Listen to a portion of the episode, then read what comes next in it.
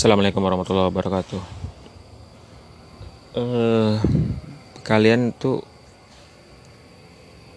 merasa nggak sih kalau misalkan kita ini punya keinginan, terus kita sudah melakukan langkah-langkah atas keinginan kita, tapi agak terganjal sedikit dengan eh, hambatan yang justru datang dari keluarga, terutama istri.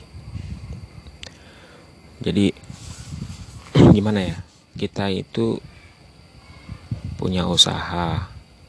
Usaha itu boleh dibilang baru merintis. Alhamdulillah pemasukannya ada. Walaupun sedikit tapi ada. Dan memang semua itu berproses yang namanya usaha apa pun itu pasti berproses.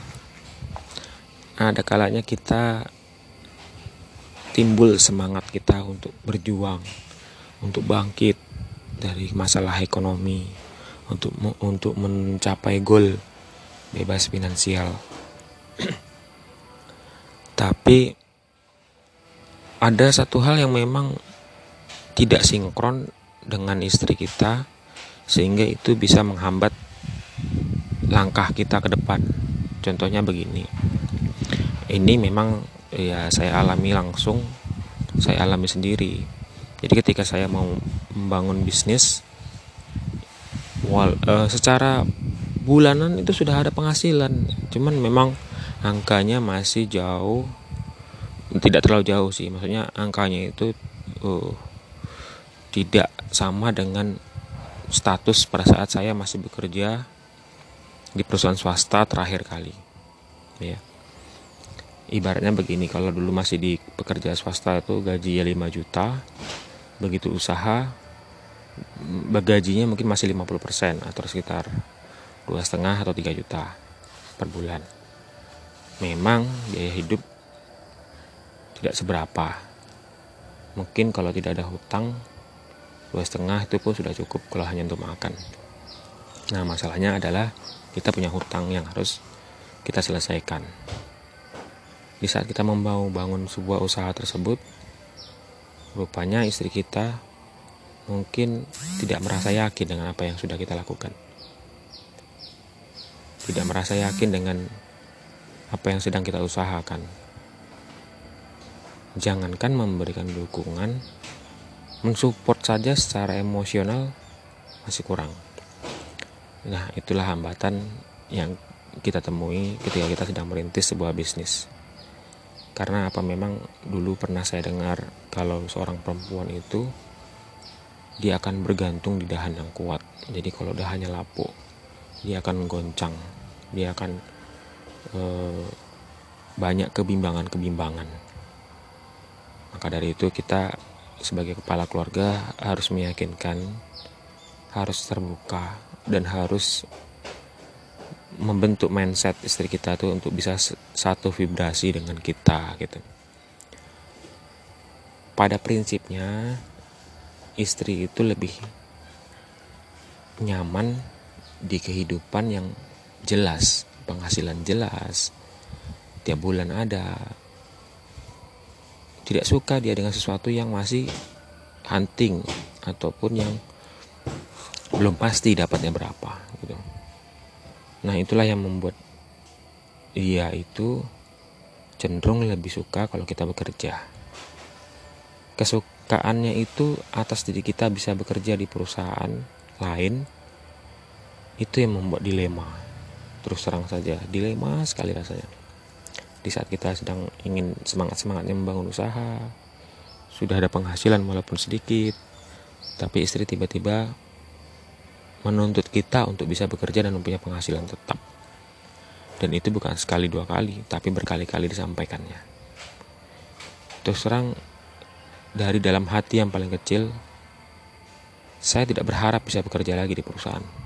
Saya tidak berharap biarlah saya bergaji dua setengah tapi itu murni dari kaki saya sendiri dari tangan saya sendiri dari kreativitas saya sendiri karena mindset yang ada di otak saya goal saya di masa depan adalah saya ingin menjadi seorang pengusaha pengusaha yang bebas finansial, pengusaha yang dermawan, pengusaha yang soleh, yang selalu berbakti kepada kedua orang tua. Jadi itu sebenarnya cita-cita saya.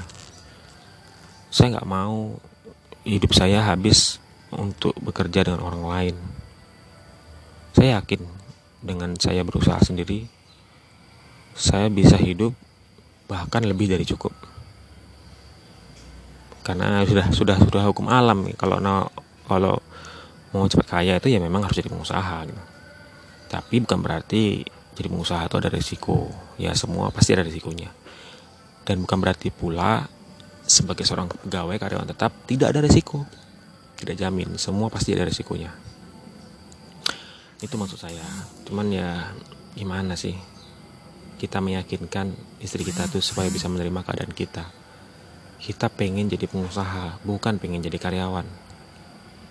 Tapi ketika posisi kita sekarang memang sedang dalam keadaan ekonomi yang lemah, itu membuat istri kita itu tidak tenang atau khawatir gitu untuk ke depannya apakah bisa terus punya penghasilan gitu. dan sebenarnya kalau dari sisi usaha saya sudah sangat yakin potensinya sangat bagus. Dan sudah bisa dan sudah terbukti menghasilkan ya. Bahkan di akhir bulan ini saja saya bisa menerima profit bersih hampir 3 sampai 4 juta bekerja dari rumah, mengandalkan kreativitas, bermodalkan internet dan komputer. Ini bukan hal yang bukan hal yang hoax atau yang nggak jelas. Gitu. Bahkan di luaran sana banyak orang yang hidupnya bergantung dengan internet, banyak orang yang hidupnya itu full dari internet bahkan kaya raya dia dari internet. Cuman ya prosesnya aja yang kita harus lewati gitu. Cuman kalau kita bicara proses buktinya sampai sejauh ini kita sudah bisa menghasilkan dan hidup setiap bulannya. Memang faktor kondisi hutang inilah yang membuat kita harus bekerja-kejaran tapi menurut saya sih ini adalah pemicu gitu. Bukan berarti saya menyarankan kita harus berhutang tidak. Sebaik-baik pengusaha itu adalah pengusaha yang tidak berhutang.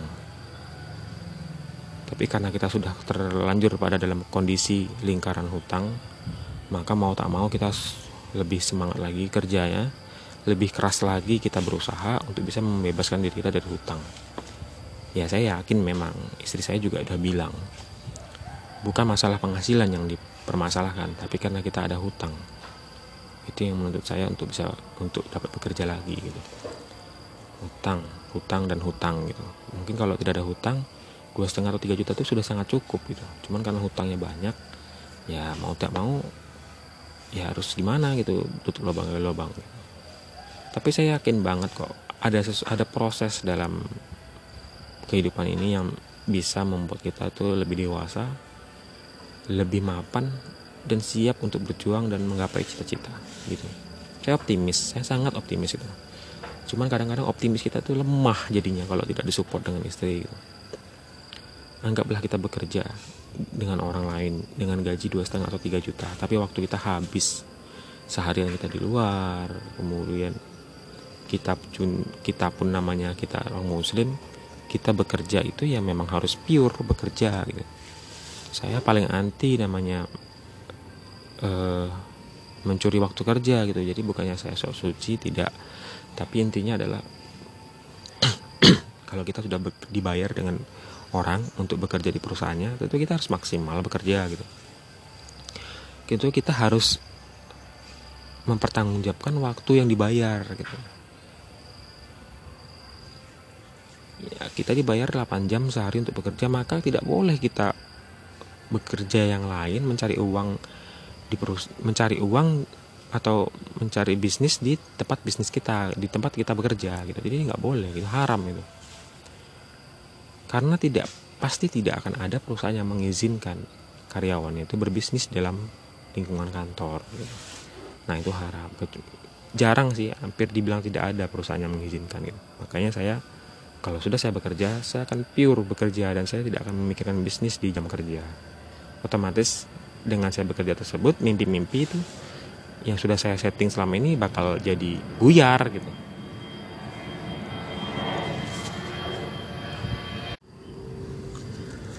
jadi gitu ya eh, cerita kita pada pagi hari ini kita tetap semangat apa pun tantangan yang sedang kita hadapi baik dari dalam diri kita, istri kita, dan orang tua kita, bahkan lingkungan kita. Kita harus siap menghadapi. Yakinkan cara pelan-pelan bahwasanya kita serius dalam berusaha. Walaupun kondisi sekarang memang tuh gali lubang tutup lubang, tapi percayalah proses itu akan segera kita lewati. Jadi silakan buat teman-teman yang mau sharing tentang pengalaman yang sama.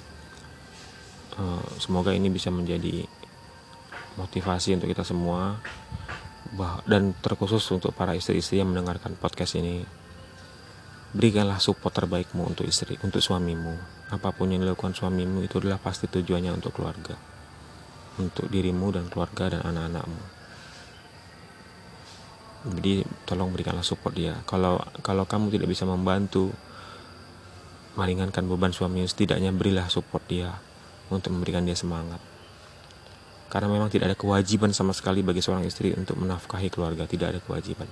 Tapi dikala kondisi suami sedang ke dalam keadaan drop, maka jika kita tidak bisa membantu suami dalam hal materi, setidaknya berikanlah support dalam spiritual, emosional, doa.